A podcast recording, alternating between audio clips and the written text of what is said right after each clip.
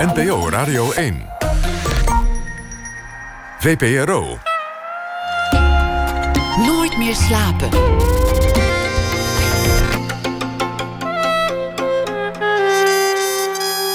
Met Pieter van der Wielen. Goedenacht, dit is Nooit meer slapen. Buiten de lijnen heet de voorstelling van de gast van mij van eh, het komende uur. Buiten de lijn is waar het leven interessant wordt. Wie zich er buiten waagt zal straf krijgen, maar kan er ook voor geprezen worden. Buiten de lijnen, daar vind je de helden, maar ook de verschoppelingen. Tegendraadsheid. Het is een eh, lijn tussen de twee, tussen de held en de verschoppeling, die vaak maar heel klein blijkt. Lucky Fons, de derde, is hier. Hij heeft een eh, theaterprogramma, niet zozeer met liedjes, maar hij vertelt over eh, filosofische thema's. Maar dat doet hij gelukkig op een luchtige, bijna terloopse, nonchalante manier. Hij is hier een uh, conferencier. Hij is bekend geworden als maker van liedjes, als zanger. Zijn echte naam is Otto Wiegers, werd geboren, groeide op in Nijmegen. En dat geboren worden gebeurde in 1981. En inmiddels heeft hij uh, naast heel veel andere projecten al zeven albums gemaakt. Otto, welkom. Dank dat je langs bent gekomen. Dank. Uh, fijn om hier te zijn, Pieter. Ja. wat leuk dat je hem Otto noemt. Zal ik je Lucky noemen dan? Hoe, hoe doen mensen dat eigenlijk inmiddels? Ja, mensen eigenlijk Otto. Alleen mijn familie noemt me Otto. Heel, bijna iedereen noemt me Lucky. En hele goede vrienden. Oh, daar ben ik nog niet. dat is een beetje. Dat is een beetje. Misschien dat we als we een half uur praten of zo, dat we zo diep kunnen gaan dat we dan tweede half uur uh, Otto kunnen zeggen. Vooral dat de derde, dat geeft het ook iets koninklijks. Dan is het ook bijna alsof je je moet houden aan een, een bepaalde etikette ja, ja, die, die erbij hoort. Dat was ook het idee. Ik dacht alleen Lucky Fonds, dat klinkt meer als ja, zoals Mancanelis of Muddy Waters. Dat zijn ook mooie namen, maar ik wou er wat extra's bij. De derde is ook uh, Romeinse 3. Ziet er ook typografisch goed uit. Ik ben vast niet de eerste die de fout maakt om, om, je, om je Otto te noemen als je een artiestennaam hebt. Nee, nee helemaal vast wel eens ergens Nou, ik heb zeg maar eigenlijk Lucky als een voornaam genomen nadat ik in Zuid-Afrika toerde. Daar, ging, daar is Lucky nogal veel voorkomende naam.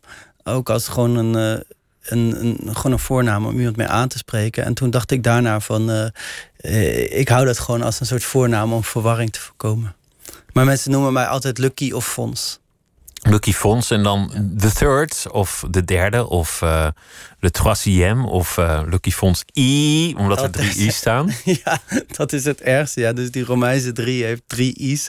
En in het begin snapten mensen, soms, ja, soms snappen mensen het concept van een Romeinse drie niet. En dan konden ze, kondigden ze me aan als hier komt Lucky Fons I. En dat klinkt gewoon ja, als een tweederangs clown. Maar goed, nu zijn, nu zijn we zo'n ruime tijd terug het aannemen van een artiestennaam en zorgen dat hij ingeburgerd raakt. Ja. Laat, laten we de grote sprong maken naar het, naar het heden en wat je nu allemaal weer aan het flikken bent. Ja. Namelijk, namelijk een tour waarin je vertelt ja. over het leven en de zin ervan. En, en ik zing. En je zingt natuurlijk ook. Maar, maar je bent wel echt een conferencier dit keer. Of een, uh, ja, dat is wel een verschil met. Uh, ik treed natuurlijk overal op. Ook wel festivals en clubs. Maar, maar uh, in het theater heb ik ook echt een theatrale show. In de zin van het heeft een, uh, een lijn en een verhaal, een regie en een script. En de liedjes zijn ook onderdeel van het verhaal. Ik heb het dit keer ook allemaal tegelijkertijd geschreven. Dus de, de verschillende elementen vloeiden ook in elkaar over. Soms heb ik van een conferentie een liedje gemaakt en van een liedje weer een terug naar een conferentie en zo. Ik heb voor de eerste keer echt gedacht, ik begin nu gewoon helemaal vanuit alles wat ik wil zeggen en waar ik het over wil hebben. En dan kijk ik wel of het uh, muziek wordt of meer een, poëtisch verhaal of zo. Hoe, hoe ging dat in zijn werk? Want dan, dan zit je voor, voor een laptopje. Ja. En dat laptopje heeft een, een, een leeg scherm. En, en je hebt misschien al met iemand afgesproken dat er iets komt ja. Dat uiteindelijk een theatertour moet nou, gaan heten. Het eerste wat gebeurt is dat die tour wordt geboekt. Want het gaat heel ver vooruit. Ja, ja dat doen ze in theaters altijd twee, twee jaar. Uh, van tevoren of zo. En daarom hebben we altijd theatershows uh, van, van solo-artiesten, zoals cabaretiers of zo, hebben altijd van die saaie titels. Die heten altijd gewoon En nu ik of En wat dan nog. Zo, maar de enige reden daarvoor is dat ze niet. Ze kunnen het geen specifieke titel. Uh, want het is nog niet geschreven. Ja, want het is nog niet geschreven. Nee, dat is. Dat, en daarom heeft, mij, heeft mijn titel ook buiten de lijnen. Maar ik had er wel toen, toen ik die titel geef, had ik wel een soort idee van. het idee van lijnen en grenzen is een interessant concept om heel veel dingen mee te onderzoeken. Want alles heeft lijnen en grenzen. Je kan in, in mijn show ook beginnen met de lijnen en grenzen van het theater. En dan op een gegeven moment gaat het over de lijnen en grenzen van, van tijd en de grenzen van de fantasie en de grenzen van, weet je wel, morele grenzen, landsgrenzen, letterlijke grenzen zelfs. Dus ik dacht wel, oké, dat is een interessant thema, daar moet sowieso een show over komen. Maar hoe ik begin was je vraag. Ik ga inderdaad gewoon zitten met mijn laptop. Uh, op een uh, fijne plek, uh, de Hortus Botanicus of zo. En soms ook met pen en papier. Heel Tussen de vleesetende planten. Ja, ja, precies. Ja. En dan, ga ik ook, dan loop ik zo door een van die kassen. En dan kom ik een beetje in de, voor mijn gevoel, dan in exotische sferen. En dan dat stimuleert de creativiteit. Ook al die, klant, die planten hebben ook allemaal heel vreemde namen. Waar je gelijk in de poëtische bui van komt. Zoals? Ja, weet ik veel. Het, Gewoon Latijn bedoel je? Nee, nee, maar die heette altijd van het zevenvingerige uh, lelie uit de Sloppenwijk of zoiets. Weet je wel? Dat, dat, dat is dan een plantje dat zo heet. al, die, al die plantjes hebben hele curieuze... met mooie ogen, dat is ook geloof ik een plant. Ja, precies, dat soort dingen. Dus je hoeft daar maar een rondje te lopen of je bent al in een poëtische bui. En uh, wat ik dan doe is, ik ga niet echt uit vanuit grote ideeën of grote concepten. Of uh, dat ik denk bij mezelf, ik wil nu een show daarover. Maar ik ga gewoon kijken over... Ik schrijf gewoon eigenlijk alles waar ik enthousiast over mee word. Of, of waar ik druk mee bezig bent, zoals je in een dagboek zou schrijven. In een dagboek schrijf je gewoon op wat je die dag hebt meegemaakt, wat je spannend vond of zo. Zo ga ik, begin ik dan ook gewoon een beetje te schrijven. En dan op een gegeven moment schrijf ik gewoon heel veel. En dan doe ik een beetje freewheelen. En dan na een tijdje ga ik al dat materiaal doorlezen. En dan kijk ik wat een beetje de. Um, welk thema zich eigenlijk. Uh, welk thema er, daaruit opstijgt. En dan kies ik, dan ga ik daar een beetje op door. Ik ben, ik ben bezig kijken op je eerste try-out. En dat is een spannend moment. Want, want je kunt het allemaal op papier hebben. Je kunt oefenen met je regisseur. Maar de vraag of het publiek het leuk gaat vinden... kun je niet beantwoorden tot het moment dat je daar staat. Nee, en dat was, in dus- Arnhem. Ja, afgelopen zaterdag. Ik vind het echt leuk dat je de allereerste try-out gezien hebt. Echt de allereerste keer dat ik het voor het publiek deed. ja, dat was voor mij echt een uh, heel belangrijk uh, en spannend moment. Zoals ik het eigenlijk niet zo vaak heb. Misschien in, eens in een paar jaar omdat ik, uh, ja, ik had deze show best wel lang in mijn hoofd. En ik had dus best wel ook een sterk idee in mijn show van hoe, hoe het zou moeten zijn. En, en, en dat wist ik eigenlijk pas uh, sinds zaterdag. Uh, ik liep ook echt van het podium af. Ik had een, echt een lange staande ovatie. Hè. Ik kreeg heel veel applaus. En ik was zo blij. En ik ben toen ook naar de kleedkamer gelopen. Want dat is het eerste wat je doet als je klaar bent. En, en, toen heb ik echt een soort van... Ik had zoveel vreugde in mijn lijf over dat ik dacht van... Oh yes, het werkt, weet je wel. Mijn visie is uitgekomen. En dat ik echt... Uh, toen heb ik zo een soort... Ben ik zo hoog gesprongen dat ik bijna tegen, met mijn hoofd tegen het plafond van de kleedkamer sprong. In een soort van e, ja, een soort van. Ontlading. Ja, in een soort heel eenzame vreugdedans of zo. En dat uh, was echt een heel fijn moment. Dus uh, ja, klopt. Ik, dat is heel eng. Je weet van tevoren niet of het echt gaat werken. Maar um, je moet die gok nemen. En ik wil dan ook wel een, een, soort sprong nemen van vertrouwen. Dat ik denk van, ik kan beter alles op rood zetten. Begrijp je wat ik bedoel? Nee. En nu klinkt het als een gok of zo. Nee, maar ik, ik wil, ik wil gewoon ik, heb een soort, ik had deze keer echt sterk een idee in mijn hoofd van zo moet het worden en zo moet het ongeveer werken. En dit moet ongeveer de, de, de vibe zijn, het gevoel van de show. En dit moet de, de, de logica zijn. Ik had heel erg het verlangen om zeg maar een show te hebben die, eigenlijk, die en heel toegankelijk is. En, en snel en grappig en muzikaal en poëtisch. Maar ook heel, heel diep. Wat ik echt, dat ik echt weet je, complexe filosofische thema's kan aansnijden. Dus die dingen moest het hebben. En ik had het in mijn hoofd echt zo voorgenomen van oké, zo moet het zijn. En je probeert het ook te fantaseren. En toen op het podium ja, was het in één keer ook zo. En dat is best wel gaaf. Maar wat ik bedoel is van, je moet dan daar echt wel op vertrouwen. Je kan niet zeg maar denken van, nou ja, ik moet ook dit doen, want dan weet ik zeker dat het gaat werken. Begrijp je? Je moet gewoon ik, eh, ik heb echt het. Het moet een sprong zijn. Het, ja, het ja, moet, het is moet wel. waarachtig ja, worden. ik dacht het. Ja, ik dacht. Ik had het echt voorgenomen van ik doe gewoon gelijk een sprong in de diepe. Ik doe alles, allemaal dingen die ik ook nooit eerder gedaan heb.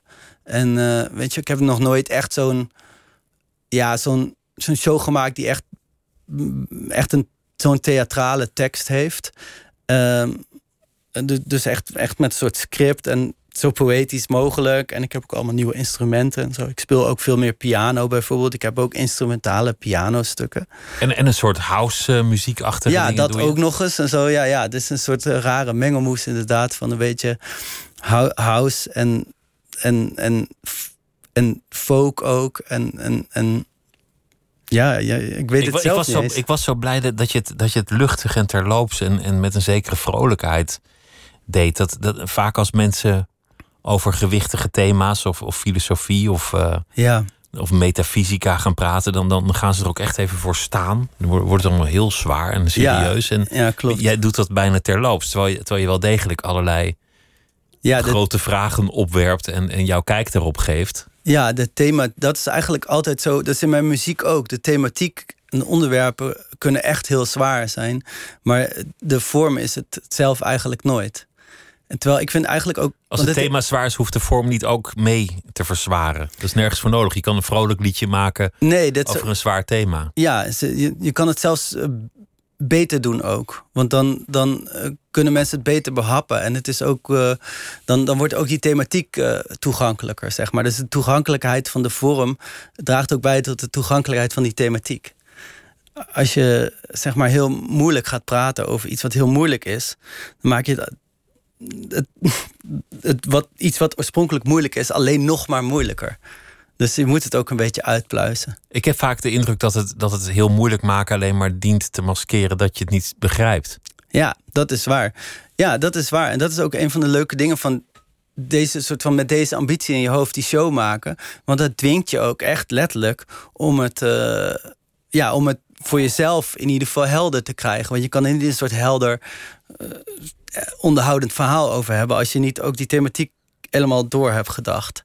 En dat, dat, vond ik, dat heb ik dus ook gedaan. Maar dat is ook wel deels waar, wat schrijven is of zo. Of wat voor mij dan. En ik denk misschien voor andere artiesten ook wel. Of zo. Maar voor mij is, als ik een liedje schrijf of een, of een tekst schrijf, is het ook vaak voor mij een soort filosofisch onderzoek naar waar ik over schrijf. Dus ik probeer dan zelf ook iets helder voor mezelf te krijgen. En soms valt het kwartje dan veel later, maar het valt wel omdat je het geschreven hebt.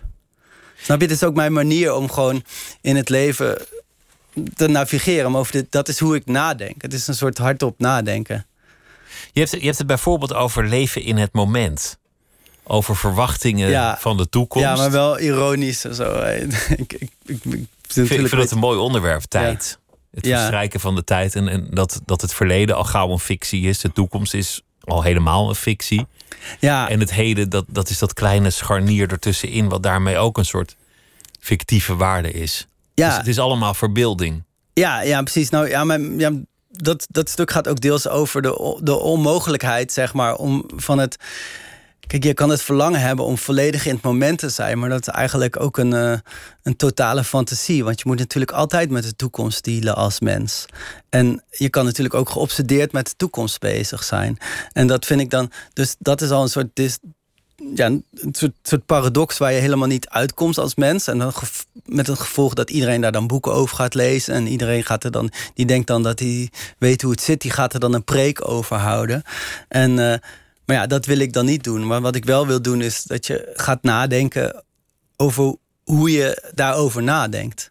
Want, want daar zit potentiële teleurstelling. De verwachting van de toekomst die niet werd ingelost. Ja, Daar zeker. zit Ja. angst. De toekomst die is duister. We we gaan allemaal naar Ja. de hel en verdoemenis. Ja, ja, zeker. Dat is nog helemaal niet gezegd, maar dat, dat kan je projecteren. Ja, precies. Ja, ja. En ik heb daar ook totaal geen antwoord op. Mijn show gaat ook deels over mijn totale gebrek aan autoriteit over, om, om daar dingen over te zeggen. Kijk, de vorm die ik heb nu is kleinkunst of cabaret. De inhoud is wel heel anders, maar ook de benadering is anders. Want meest, soms is cabaret toch een soort pseudo preken eigenlijk. Cabaretiers zijn vaak gewoon een soort dominees in een ander jasje. Maar of, de- of, of het is een collegezaal. ja, of een college inderdaad. Of zo, Tim, maar- Tim Fransen geeft gewoon een, een, een heel grappig filosofisch college. Ja, precies, ja, ja. En dat vind ik ook echt super leuk of zo. Maar ik denk dat, oké, als dat een college is en een andere iemand brengt misschien een preek, hè, waar ook Fre- behoefte aan Freek is. de Jonge is, een- is soms een soort dominee. Ja, dat, dat weet ik niet of ik dat. Ja, Dat bedoel ik niet aanmatigend. Nee, nee, precies. Maar je hebt verschillende types, zeg maar. En dan zou ik meer de, misschien de essayist zijn of zo. Weet, weet je wel, dat idee dat het een soort essay is, omdat het essay is natuurlijk ook het komt van het woord essay, uitproberen, weet je wel. En, en dat vind ik een interessante manier. Ik, ik hou heel erg van de, de, de schoonheid van de poging tot nadenken. Van de beweging van nadenken zelf. Dus als je, je, je hoeft niet het antwoord te hebben. Het, het zit hem in, in het verkennen van wat het antwoord zou kunnen ja, ik zijn. Vind, ja, ik vind dat al interessant. Ik vind het nadenken over het nadenken, daar zit de spelingsruimte. Want je komt er uiteindelijk toch niet uit. Je komt niet op een punt waar je niet meer hoeft nadenken. En dan, en dan en dan, ik bedoel, als je denkt dat je het licht hebt gezien of zo, dat je denkt van, oh, ik heb het licht gezien, dus nu hoef ik niet meer na te denken, weet je wel? ik zie heel veel mensen juist die het licht hebben gezien, die de waarheid in pacht hebben gekregen. Die, die, die het woord verkondigen als een evangelist. Van iedereen zeggen dat ze niet, uh, ja, precies, niet woke zijn of weet ik veel wat ze zeggen. Ja, nou ja. Dat ze wegkijken. Kijk, ja, waar, waar het mij om gaat is dat, dat zeg maar, het, dat is ja, ik weet niet of dat het thema, dat is ook een thema in de show, maar gewoon het, het navigeren van het menselijk leven is gewoon, denk ik, altijd een, een rommelig iets. Het is altijd, blijft dat een soort van een, een, een, een beetje licht pathetische, ingewikkelde, moeilijke strijd. En dat zal het ook, denk ik, voor altijd zijn. En de vraag is, hoe ga je daarmee in het reinen komen? En mijn antwoord is dus door, zeg maar, juist die, die strijd op een bepaalde manier door middel van esthetiek nobel te maken. Oké, ik wil even zeggen, als je naar mijn show komt, zeg ik deze dingen dus allemaal heel simpel en heel grappig. Dit is waarom ik die shows maak, weet je wel? Want altijd als ik mezelf voor op een gegeven moment hoor lullen, dan denk ik altijd van, denk ik altijd van, denk ik altijd van, oh jezus. Oh, je, je toch je grote mooi. mel, weet nee, je wel. Dat dus, dacht ik helemaal niet. En bovendien ook, als ik dit kon uitleggen in, in, in drie zinnen, dat bedenkt me nu ook, dan, dan had ik niet die hele show hoeven te doen. Snap je? ik heb, al mijn, ik heb al mijn instrumenten nodig om dit op een soort van onderhoudende manier. Maar je zegt het is nadenken niet om tot het antwoord te komen, want het antwoord is misschien niet eens zo interessant. Het is ook niet nadenken om, om, om het antwoord te hebben en dat aan anderen uit te leggen. Maar er is geen, het is de esthetiek van het niet vinden van het antwoord, maar in ieder geval er naar zoeken. Ja, er is, er is, geen, er is geen antwoord, maar ik denk de, de zoek, zoektocht naar een antwoord is een soort van is een soort continue noodzaak. Dat gaat de hele tijd door. En dat heeft op zichzelf een soort schoonheid. En, uh, en daar ben ik in geïnteresseerd. En, ik vind iemand, het ook iemand mooi. legde dus... mij dat uit over stierenvechten. Ik zei, wat is er nou aan om naar stierenvechten te kijken als je toch al weet dat de stier verliest? Ja. En ik wil niet een lans breken voor het stierenvechten, want zo populair is het niet meer. En toen zei hij: Het gaat om de elegantie. Het is eigenlijk kijken of de, of de stierenvechter niet in zijn broek pist wanneer die stier naar buiten komt. Ja, de, misschien, de misschien wel, ja. Nou, ik een heb soort ballet. Ja, ik heb het in mijn show ook een beetje over. De, de, over uh, trapezewerkers op een gegeven moment. Omdat in Carré was toch die, uh, zijn toch die twee trapezewerkers gevallen en zo. En dat, toen was er dus zo'n hele discussie over: moet er dan een vangnet zijn? En natuurlijk had er die dag een vangnet moeten zijn. Maar het hele punt van kijken naar een trapeze-act ook is dat het. Um, spannend dat, is. Ja, dat het spannend is omdat het gevaarlijk is. Dus je kijkt eigenlijk naar een soort van. naar een niet-gebeurtenis. Dus als, als ze klaar zijn, dan is het feest. Er wordt dus expres risico gelopen op iets. En vervolgens en dan gaan mensen dan expres naar kijken. En vervolgens is het feest omdat datgene waar risico is opgelopen niet is gebeurd. Dus de kerst op de taart van elke trapeze-act is dat ze niet zijn gevallen. Elke geslaagde trapeze-act. Want, want als je op één meter hoogte zou doen, of 30 centimeter, zou er ook niet zoveel aan zijn. Nee, nee maar het gaat dus dat die grens tussen wat er gebeurd is en wat er niet gebeurd is, aanwezig is geweest. Dus iets is pas gebeurd als ook het niet gebeurde aanwezig is geweest, voelbaar is geweest, in, in beeld is geweest en zo. En daar zit denk ik wel een, een soort van hele. Daar, daar draait mijn show ook deels om. Dat vind ik een interessante manier om over na te denken. Dus je kan bijvoorbeeld. Het succes zit hem in de mogelijkheid van het mislukken. Ja, ja, nou ja, zonder de mogelijkheid van het mislukken was, is, is succes bestaat succes niet eens, zeg maar. Dat is, dat is een voorwaarde voor het bestaan van succes. Maar waar het mij om gaat, ook, dat is ook een soort grens waar je dan tussen het gebeurde en het niet gebeurde. En die moet je dus ook opzoeken en zo. Om zeg maar echt te kunnen nadenken over het leven. Maar wat ik dus eigenlijk ja, nu lijk ik toch weer een dominee of zo. Maar wat ik dus wel een beetje, waar ik dus wel zelf in geloof, is, is dat het, het nadenken over het nadenken loont. En dat het ook eh, leuk is en onderhoudend kan zijn en gewoon ehm, fascinerend. Want wat ik doe op het podium is eigenlijk alleen maar gewoon uh, vertellen waar ik over nadenk op een zo leuk mogelijke manier, wat er in mij omgaat. En jij noemde net Tim Fransen, dat is ook zo iemand die, die zeg maar ook daar heel mooi over kan vertellen. En je hebt nog meer, Micha Wertheim of zo. Laura van Doron zou je kunnen noemen. Ja, Laura van Doron is ook echt, dat zijn, is ook echt een grote bron van inspiratie voor mij. Dat is ook iemand die beroemd is geworden met een. Uh, soort filosofische. ja, dat is echt mon monoloog. Ja, zij kan gewoon voor een podium staan en dan een heel verhaal vertellen. En je, je zit eigenlijk gewoon op haar gedachtentrein, op haar trein van gedachten.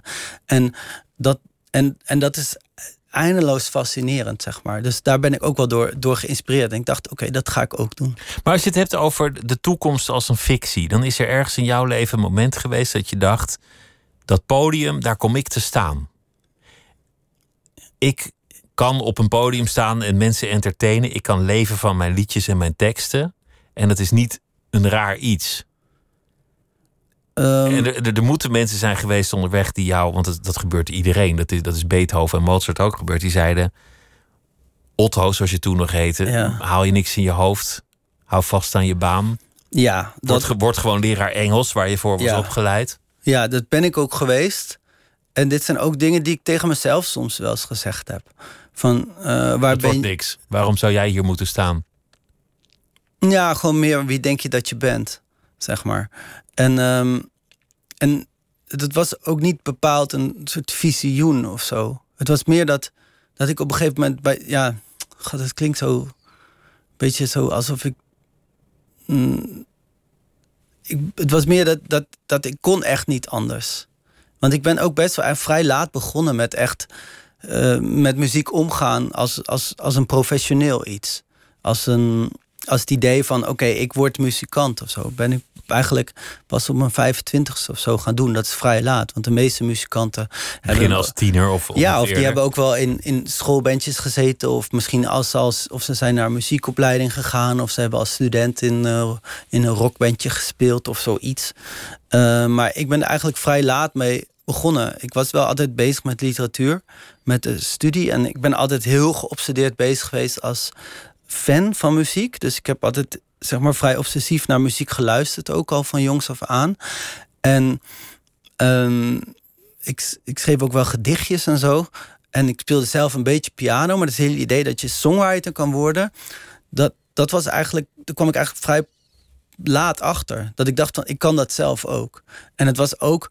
Wat was dat moment? Is het aan een moment vast nou, te pinnen? Wil je de romantische versie of de minder romantische versie? vertel maar de minst romantische waarheid. Nou, op een gegeven moment dacht, zag ik uh, een singer-songwriter op het podium die uh, toen een beetje succes had. Ik zal zijn naam niet noemen, maar hij, hij speelde een paar akkoorden en hij zong een beetje zo.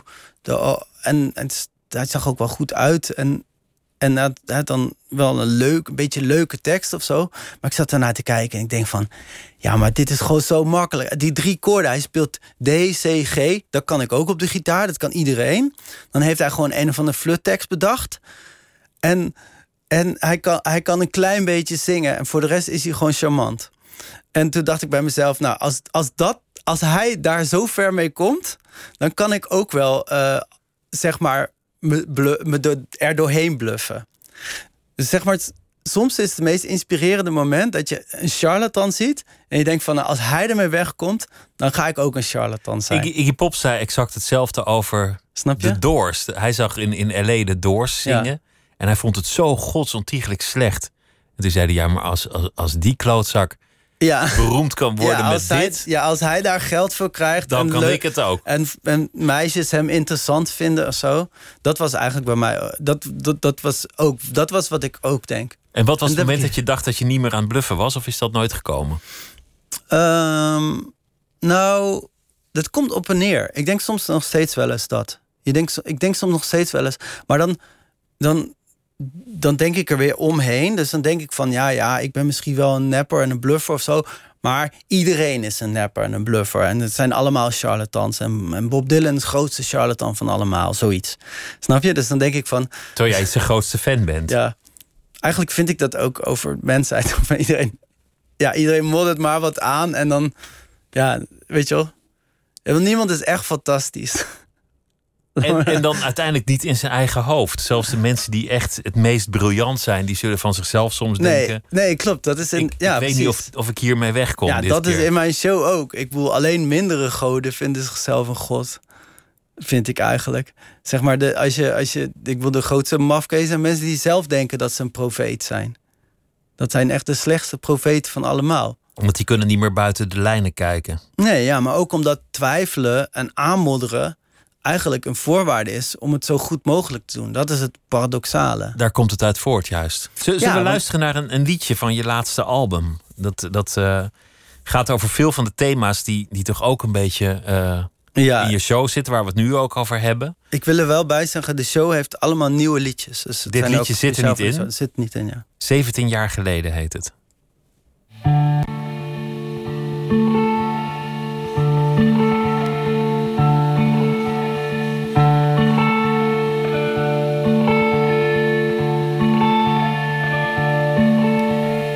Zeventien jaar geleden sprak een man me zomaar aan.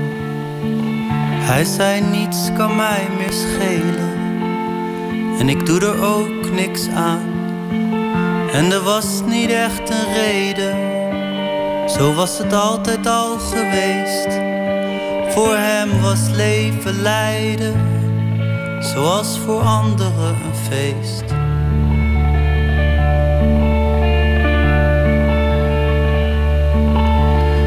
Niemand kon begrijpen waarom die man zo droevig was. En de ware theorieën dat hij vroeger in de klas geobsedeerd was met een meisje. Waarvan ze zeiden die is gek, die heeft de duivel in haar ogen en een ketting om haar nek. En ik zag hem in de duinen staren naar de zee. In zijn eentje aan het eten, aan een tafeltje voor twee. En ik had hem willen spreken, maar dat durfde ik niet goed. Dat was een van duizend dingen die je simpelweg niet doet.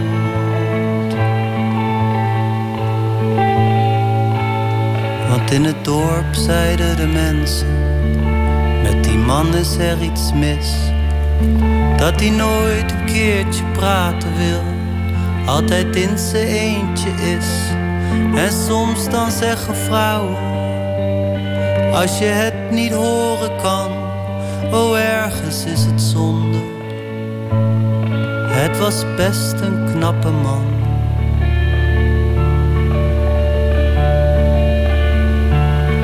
Op een dag is hij verdwenen en niemand wist waarheen. En de buren hadden vragen, dus de politie kwam meteen om zijn huis te onderzoeken voor een aanwijzing of spoor. Maar de ene agent zei tegen de ander: Ik, uh, ik weet het ook niet hoor, maar hij lijkt spontaan verdwenen weet alleen God, want de ramen en de deuren zijn van binnenuit op slot. En er is hier verder niets meer. Er is maar één ding ongewoon: twee borden op een tafel, eentje vies en eentje schoon. En ik zag hem staren naar de zee. In zijn eentje aan het eten, aan een tafeltje voor twee. En ik had hem willen spreken, Maar dat durfde ik niet goed. Dat was een van duizend dingen die je simpelweg niet doet.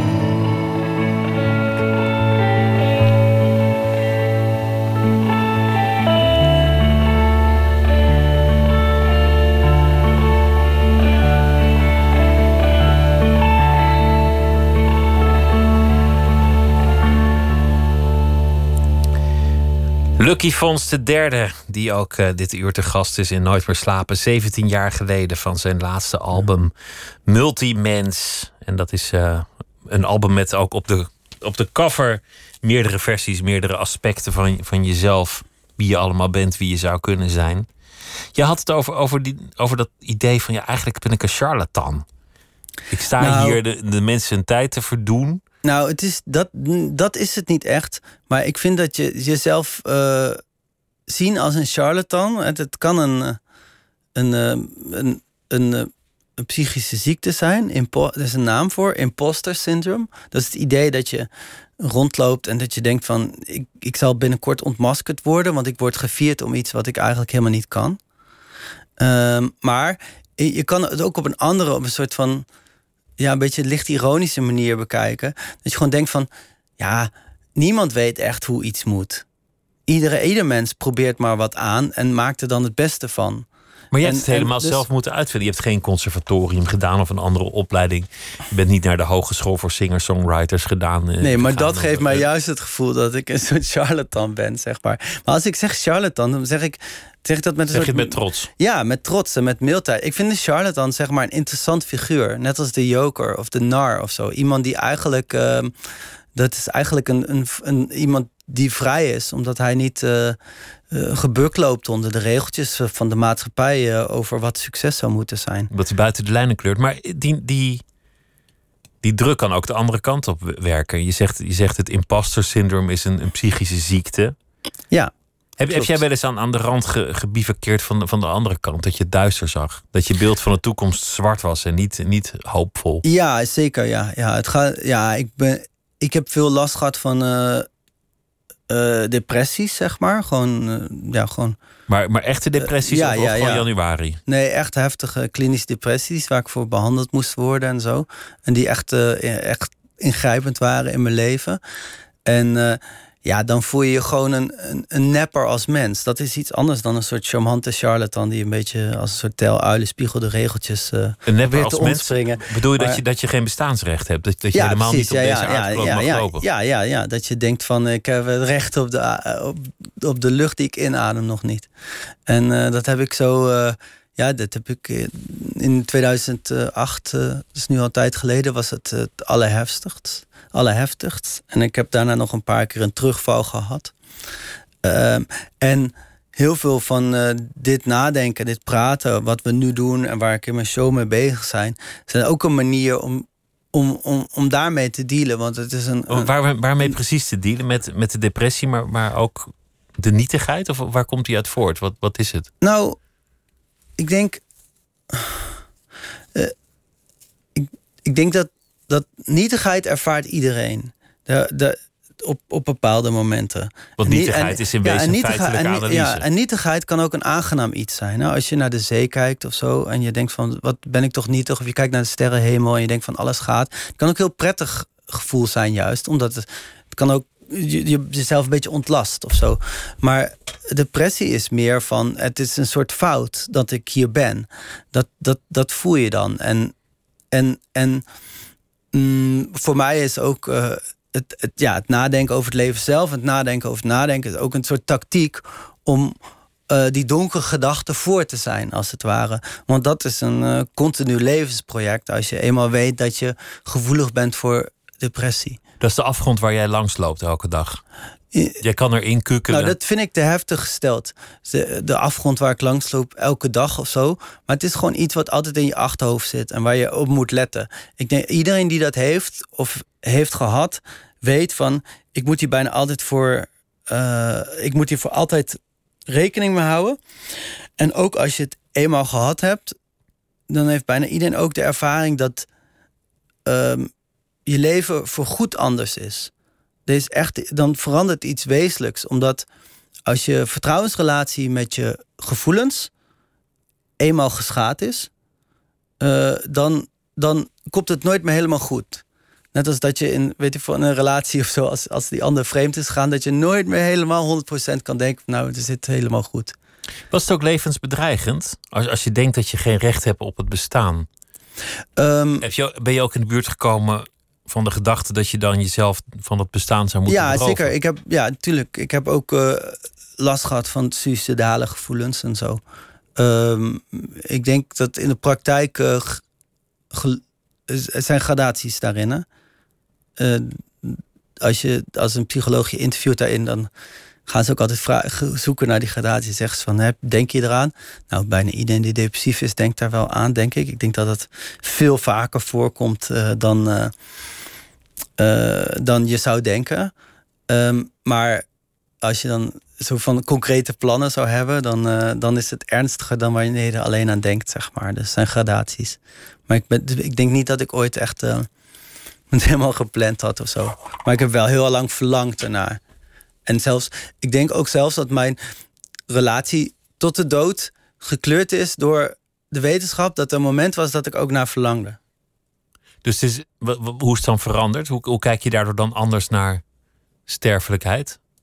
Wetend dat je er ooit naar, naar hebt gereikt? Nou, omdat ik denk, we hadden het net over de, de, de, soort, de, soort, de aanwezigheid van het afwezige. Weet je wel, toen we het net spraken over de, over de, de trapeze. Over de trapezewerker. Dat die, dat, die, dat, daar is de aanwezigheid van, van de val. Is, is wat het, de, de, de energie genereert van, het, uh, van de act.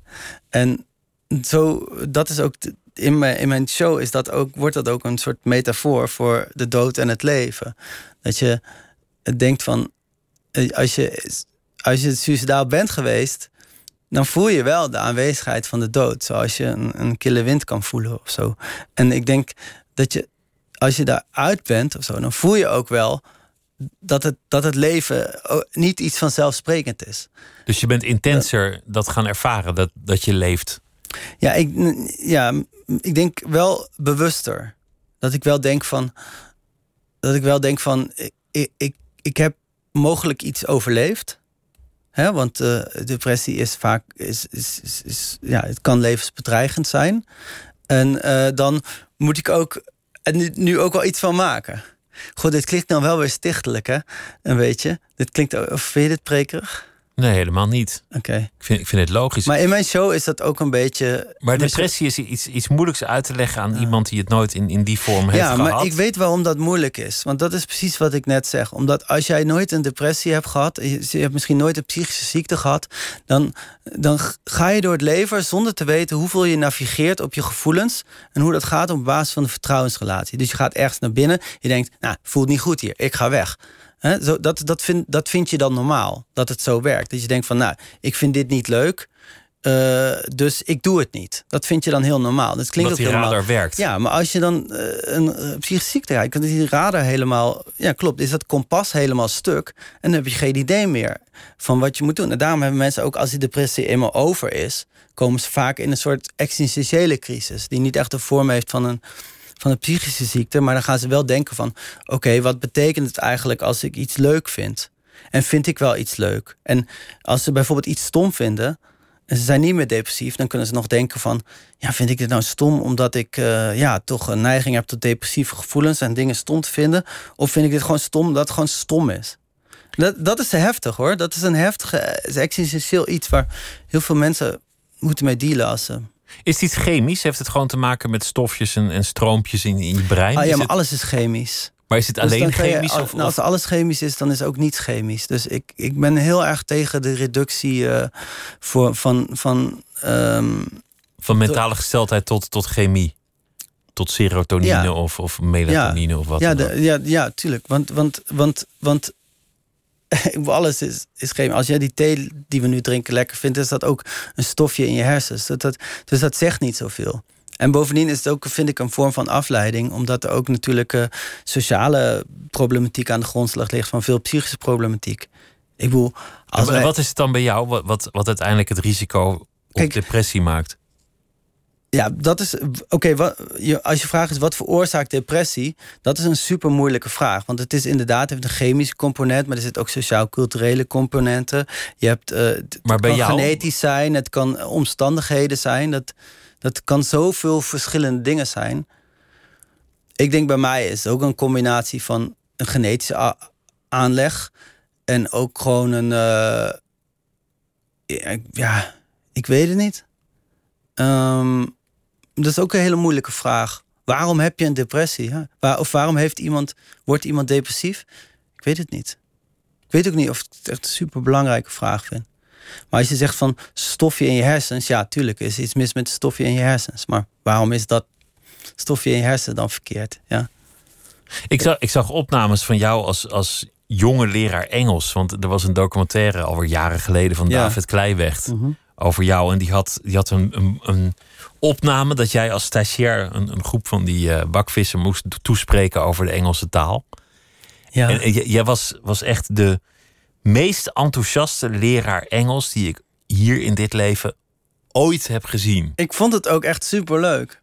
En, en met, met zoveel energie stond je daar en, en je, je wilde dat zo graag goed het doen. Het was ook heel leuk. Ik heb, ik heb ook, dat was mijn uh, stage. Ik heb een jaar lang lesgegeven op middelbare school. En ze hebben me ook een baan aangeboden. En die, die heb ik toen nee gezegd aan het eind. En dat was ook de soort van de, de, de beslissing die zeg maar zei van nu ga ik voor de muziek. Dus ik heb, ik heb dat niet gedaan. Maar het lijkt ook heel erg. Het lijkt wel deels op elkaar ook lesgeven. Je staat ook soort voor, voor een soort publiek. En die kijken naar jou en dan moet jij iets. Uh, maar de entertainer die je later, later zou blijken te zijn, die, die was je toen al. Die ben je vermoedelijk altijd al geweest. Ja, ik denk het wel. Ja, ik, want, ik denk het wel, want ik heb ook altijd uh, ook wel veel uh, praatjes gehad. En veel, um, ik, ging, ik heb ook wel, wel als pianist heb ik ook wel natuurlijk veel gespeeld in mijn leven voor mensen. Zo, ik was wel ook barpianist en DJ en dat soort dingen. Dus uh, ja, dus ik ben altijd wel een soort van entertainer geweest. Maar gewoon het idee dat ik dat als een baan kon doen, dat kwam pas heel laat. En die DJ dan ook echt met, met dancemuziek? Of, uh... Ja, hardcore, gabber. Weer, weer een en heel ook ander... Wel later ook drum en bass en techno. Ja, ik ben een enorme house freak. Uh, dus ik ben als tiener... Ik groeide op um, vlakbij Door een Roosje. In Nijmegen. Een Nijmeegse club.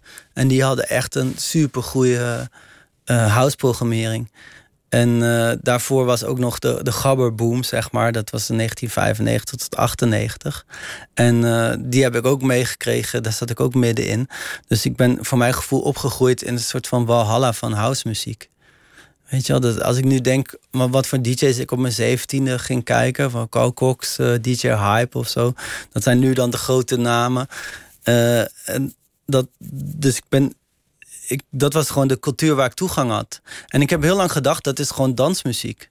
Ik heb wel heel raar eigenlijk, maar ik heb altijd op een bepaalde manier nooit, nooit over nagedacht van oké, dat is natuurlijk ook muziek die iemand door gemaakt wordt door iemand en door iemand met veel smaak en veel bezieling en zo. En nu ben ik het, nu ben ik het eindelijk ook uh, in mijn eigen muziek aan het integreren. Dus die twee werelden komen bij elkaar, want, want het was aan de ene kant Bob Dylan, waar, je, waar ja, je zelfs op bent afgestudeerd. Ja, ik was als tiener zeg maar geobsedeerd met housemuziek. Echt obsessief. En daarna als student, dus als twintiger, um, ging ik heel erg into Bob Dylan. En Bob Dylan was voor mij ook echt de sleutel om zelf uh, liedjes te schrijven en teksten te schrijven. Weet je wel, de poëtica eh, centraal stellen en de dingen die ik belangrijk vind in mijn muziek. Maar nu omdat ik wat, ja, dat is altijd, als je richting de 40 gaat, dan kom je terug naar de muziek waar je naar luistert als tiener. Dat is een soort van pre-midlife crisis. En dan moet je daar wat mee. Dus nu ben ik heel erg druk bezig met die house weer. En nu in mijn show ben ik, heb ik het een beetje geïntegreerd. Allemaal. We gaan luisteren naar een, uh, een liedje van uh, een album alweer een tijdje terug. Ik ben een muis heet dat, van het album In Je Naki. En ook dit gaat weer over de thema's die in, jou, in jouw show terugkomen. Ja, precies. Ja, ja, ja. Dit, dit, nou, dit gaat wel echt over de soort van jezelf verhouden tot nietigheid.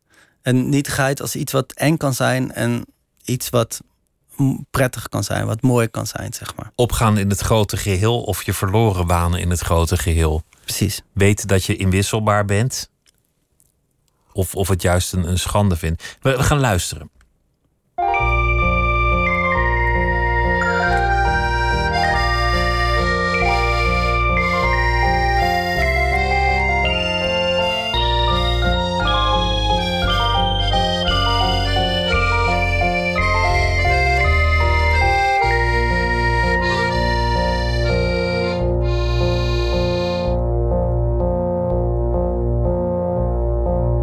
Ik ben een muis, ik loop door het gras.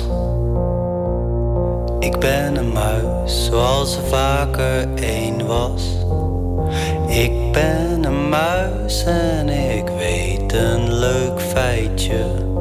Net als bij mensen klopt mijn hart maar een tijdje.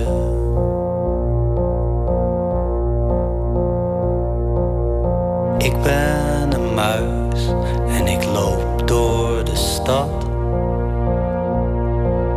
Ik ben een muis, ik heb ruzie gehad. Ik ben een muis en ik weet een leuk feitje. Net als bij mensen klopt mijn hart maar een tijdje.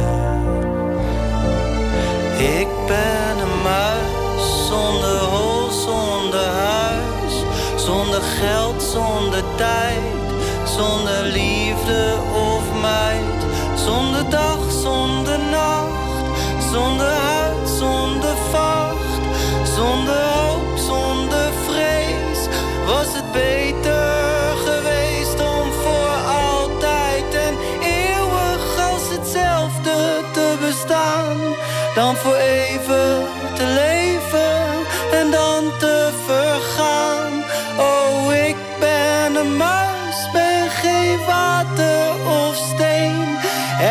zes miljard muizen. En ik ben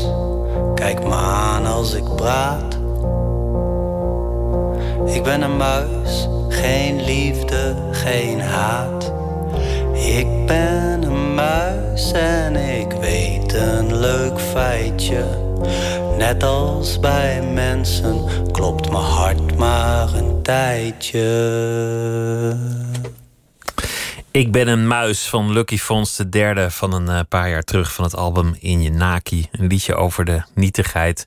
Bijna een viering van de nietigheid, zo kan je het ook zien, omdat het een, een vrolijke melodie is. Ja, 6 miljard muizen Ja. en ik ben er één. ja. En, dan- en las ik Ja. nu weer in, in, eh, in de Maar ik vind dat leuk, dus die discrepantie tussen. vrolijk het is eigenlijk en, een, en een somber. soort van. Het, het klinkt, het is een soort sombere tekst. Weet je wel, er zijn 6 miljard muizen en ik ben er één. Maar dan zing je het wel met zo'n hele melodie. Zo, ik ben er één. En als ik, dat, altijd, als ik dat live zing, dan vind ik heel leuk. Want dan moet ik echt die hoge noten lang aanhouden. En dat klinkt dan heel, heel glorieus eigenlijk. Dus is een heel, heel, heel glorieuze manier zegt van eh, ik ben een muis. Dat vind ik, dat vind ik grappig, zeg maar. Die ik- maar ik las dus dat, dat er dan ook nog eens, zeg maar, 6 miljard vermoeden ze nu leefbare planeten zijn. En het zijn er waarschijnlijk nog wel meer, want er zijn ook wel miljarden sterrenstelsels, meer sterrenstelsels dan zandkorrels in de woestijn. Om de nietigheid nog, nog even Oh, iets goed. groter te maken. En dan Kan je, dan heb je één klein blauw bolletje, daar zitten wij. Dan maar heel even. Maar ook dan- precies 6 miljard. ja, dat, dat is een gok waarschijnlijk, maar dat is geen toevallige gok natuurlijk. Wel een mooi rond getal. Ja, getallen, maar het duizeltje van, van, de, van de totale Voor elke muis één. van de totale zinloosheid, maar je bent er toch één. Ja. Je kan niet leven in het besef van nietigheid. Dat, dat, dat wordt niks.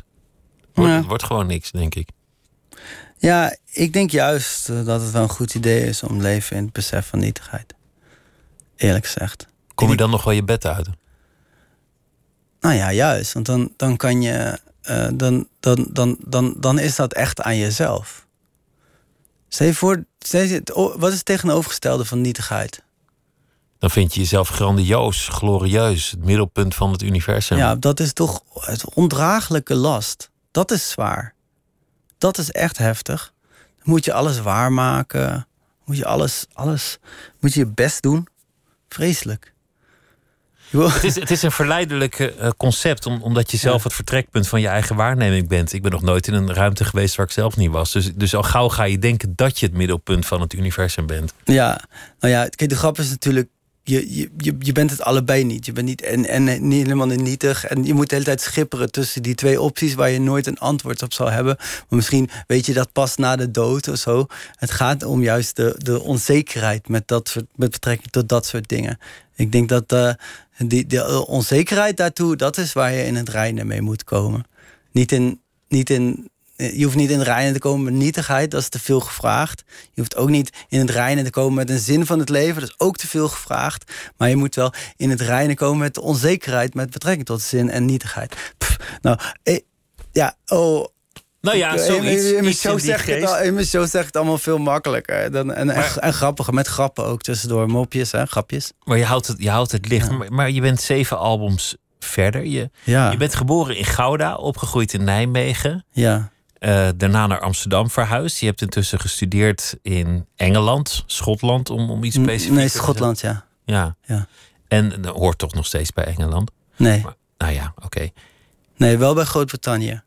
Goed zo. Ja, je hebt, ja, nee, ja, nu heb je me. Dat is waar. Ook niet voor lang. ja. en, dan, en intussen is Vlieland voor jou ook nog een, een heel belangrijke plek geweest. Ja, Vlieland. In je bestaan en in je carrière. Ja, dat klopt. Vlieland, daar kom ik zo mijn hele leven al, van jongs af aan. En heb ik als eh, tiener ook uh, gewoond en gewerkt bijna als schoonmaker. En later daar ook als een soort van een soort een entertainer voor kinderen.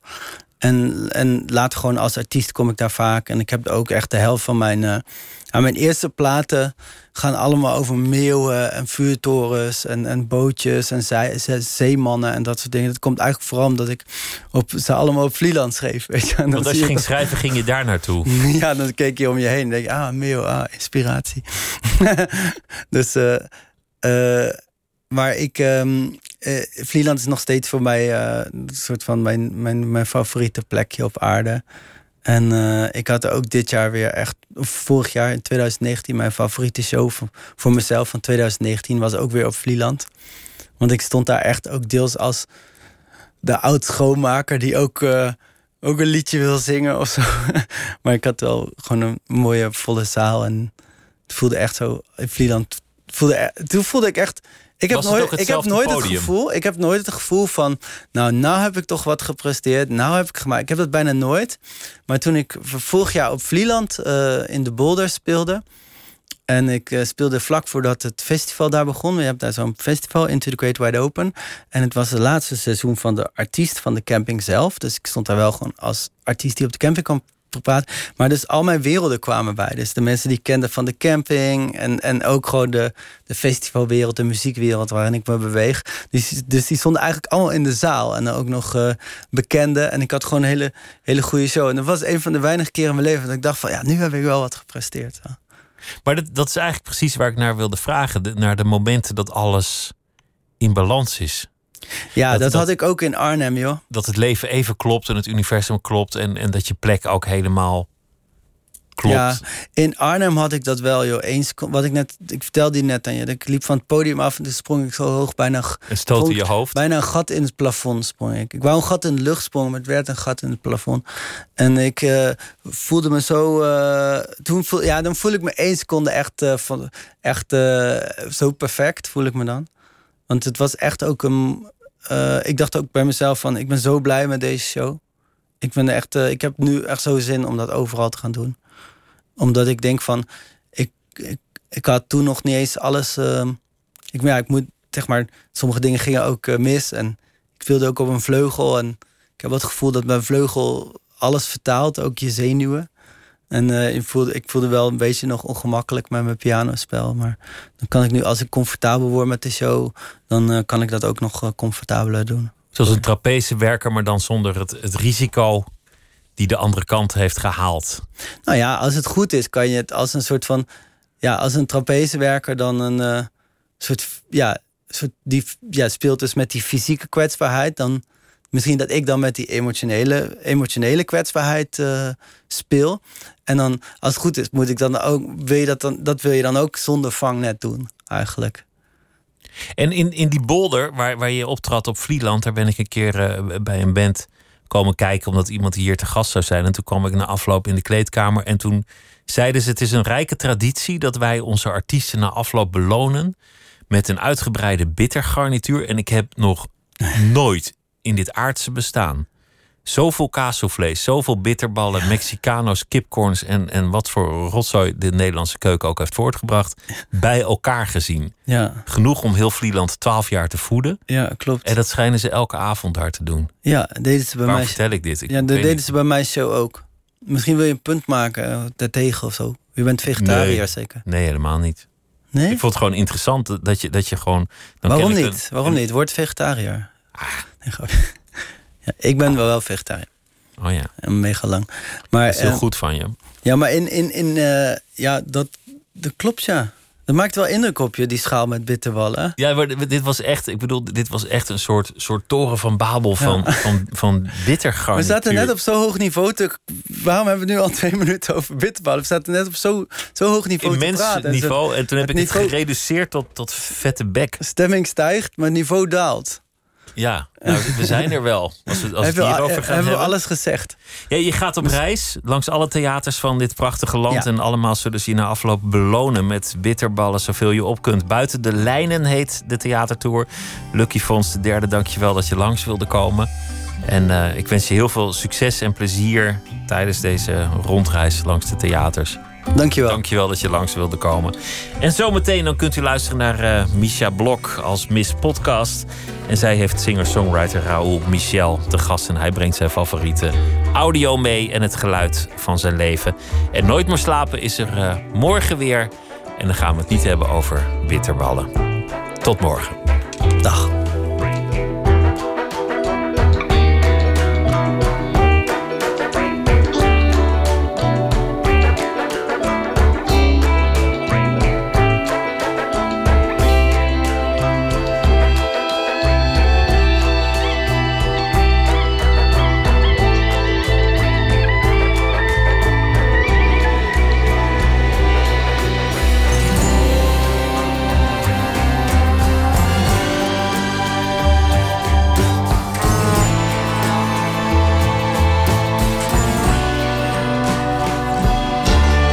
Radio 1.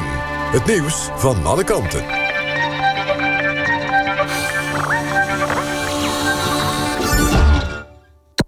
NPO Radio